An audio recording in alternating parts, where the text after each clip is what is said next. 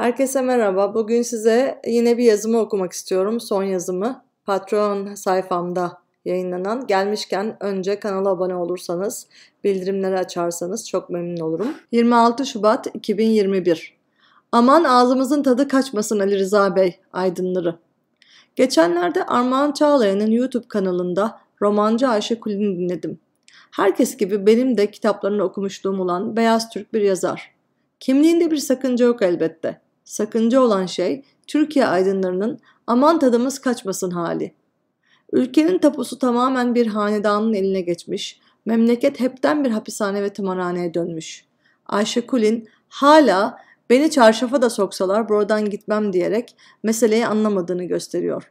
Kim bilir belki de anlamamazlıktan geliyor. Zira işi insanı ve hayatı anlamak olan bir yazar nasıl olur da Türkiye'ye esir almış baskıyı sadece dini bir rejim özlemine indirgeyebilir. Kaldı ki ben ne AKP'nin ne de ebedi şefleri Erdoğan'ın amacının şeriat falan olduğunu düşünmüyorum. Türkiye siyasetindeki neredeyse her yapı gibi onlar için de din, millet, bayrak, vatan, ezan vesaire birer araç. Para dışında bir kutsalları yok. Gerisi teferruat. Neyse konuyu dağıtmayayım. Ayşe Kulin, Türkiye'nin bugünlerini kırılmamak için yazmadığını söyleyince şaşkınlığım arttı. Yani tamam, ben ki en az 2016'dan hatta daha öncesinden bu yana Türkiye'nin aydınlarına dair derin hayal kırıklığı yaşadığımı defalarca yazmış biriyim. Ama bizim memleketin okumuş yazmış ve batı görmüş takımı beni şaşırtmayı hala başarıyor. Kulin, Türkiye'nin durumundan feci halde rahatsız ama elini taşın altına koymayı reddediyor. Züccaciye dükkanındaki fili adeta görmezden geliyor. Öyle de ne kadar görmezden gelirse gelsin o fil o dükkanı tuzla buz edecek işte. Haksızlık etmeyeyim. Ayşe Kulin bu konuda yalnız değil. Tam aksine Türkiye'de siyasetçiden akademisyenine, yazarından iş insanına kadar herkeste böyle bir aman ağzımızın tadı kaçmasın Ali Rıza Bey hali hakim. Bir elin parmaklarını geçmeyecek insan hariç çoğunluk parasını kazanıp keyfine bakma derdinde.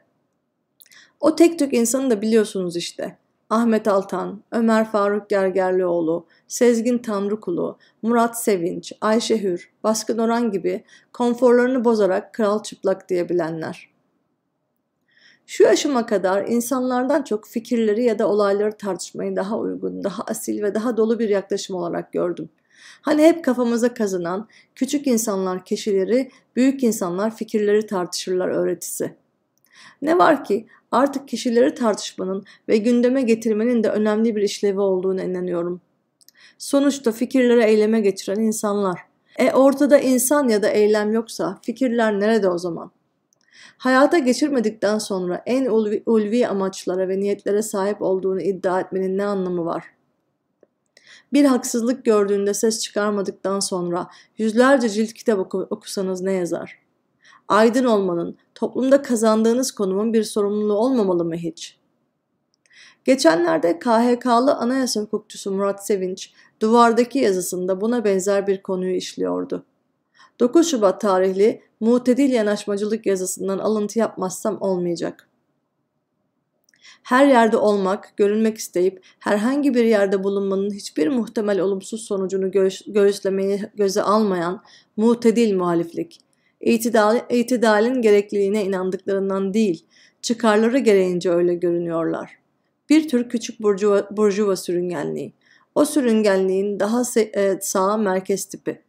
Konforlarından olmak istemiyorlar. Ancak biri olduğunda, çile çektiğinde takdir etmekten de geri durmuyorlar.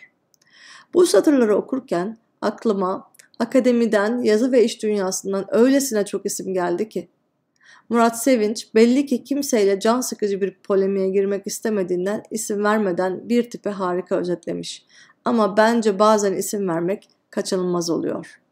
Malum Türkiye denince hayatta olup da akla gelen birkaç isim var.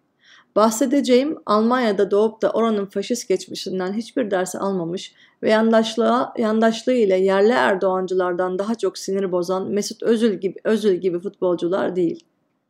Yurt dışında en çok tanınan Türk yazarları Orhan Pamuk ve Elif Şafak. Bu iki isim içinde aydın demekte artık zorlanıyorum. Zira ülkenin en karanlık döneminde aydın olmanın hakkını vermekten fazlasıyla uzaklar. Elif Şafak kadın ve eşcinsel hakları gibi zararsız alanlar dışında pek bir sesini çıkarmıyor. Batı'nın seveceği kavramlarla yazdığı popüler kitaplarından kazandığı para ve şöhretin tadını çıkarmak varken neden şimdi ağzının tadını kaçırsın? Maazallah bir anne ve kadın olarak hapisteki bebeklerden, doğumhane kapısında gözaltına alınmak için bekleyen kadınlardan bahsederse FETÖ'cü ilan edilebilir ve o parlak imajı bir anda lekelenir. Zaten zamanın yurt dışında bursla okuttuğu ve adı FETÖ'cüye çıkmış kocası Eyüp Can nedeniyle risk altında. İşte arada The Guardian'da falan birkaç demokrasi çağrısı yapan yazdı mı? Tamam. Peki modern Türkiye'nin tek Nobel'li yazarı Orhan Pamuk'a ne demeli? Gerçi ben kendisinin çoğu kitabını sonuna kadar bitirmekte zorlandım. Masumiyet Müzesi'ni beğensem de Kar'da anlattığı Türkiye bana pek de gerçekçi gelmedi. Ama sonuçta Nobel almış bir yazara elbette saygı duyarım.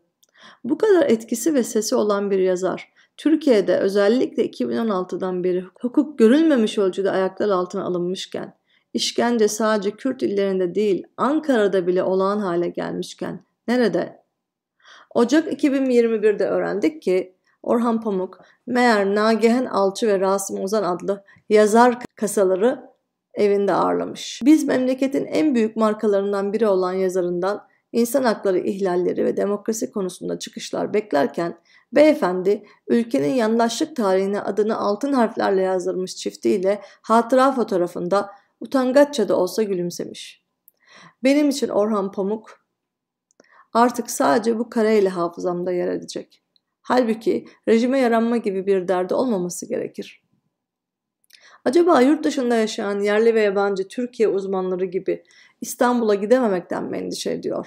Halbuki böyle mutedil yanaşmacılık yaptıkları sürece yakında gitmeyi isteyecekleri bir Türkiye'de kalmayacak. Belli ki Orhan Pamuk'un adeta utanç verici sessizliğinin sebeplerini merak eden tek ben değilim. Can Dündar 26 Şubat günü paylaştığı bir tweetinde Nobel ödüllü bir başka yazar Herta Müller'in kulağına söylediği cümleyi paylaştı ki yeterince manidardı. Orhan Pamuk bu konularda konuşmuyor mu hiç? Peki anlı şanlı, ekranlarda uzman olarak görüşlerine başvurulan onca akademisyen, hadi devlettekiler memur, ya Boğaziçi Üniversitesi adeta herhangi bir AKP il başkanlığına çevrilirken susan Koç ve Sabancı üniversitelerindeki akademisyenler ne yapıyor? Akademisyenlik sadece bol sayıda atıf yap- yapılacak yayın yapmaktan mı ibarettir? Öğrencileri yetiştirirken onlarda bırakmak istediğiniz izlenim bu mu? Aman ağzımızın tadı kaçmasın hocalığı. Hele iş dünyası. Dünyalığını yedi sülalesine yetecek şekilde yapmış ve üstüne bazı üyeleri Malta'dan vatandaşlık almış Sabancı ailesinden vahim duruma dair tek bir eleştiri duydunuz mu? Can ve mal güvenliği olmayan bir ülkede imkanı olanların medeni dünyada alternatif aramasını yadırgamıyorum. Ama insan sermaye gücünü bu kadar mı korkakça heba eder? Hatırlarsanız Güler Sabancı, Berat Albayrak gibi şirketine müdür yapmayacağı bir çapsızı dinlemiş ve sonra bakanımıza güveniyoruz mesajı vermişti. Eh yalandan ya da yalakalıktan kim ölmüş? Ölmüyorlar ama itibarları da kalmıyor işte. Aman ben de ne diyorum? Böylesine azgın, yağmacı, hiçbir kutsalı kalmamış, bebeklere bile merhameti olmayan bir rejimin gitmesi için kalbimizi temiz tutalım belki yeter. Hem Instagram'da falan güzel günler göreceğiz çocuklar dizesinde bolca paylaşanlar var. Yetmez mi? Türkiye anneleri ağlatmaktan adeta keyif alan bir devletle aman ağzımızın tadı kaçmasınca aydın ve toplumun mantık ve konfor evliliği yaptığı bir ülke aslında bu haliyle de daha iyisini hak etmiyor zaten.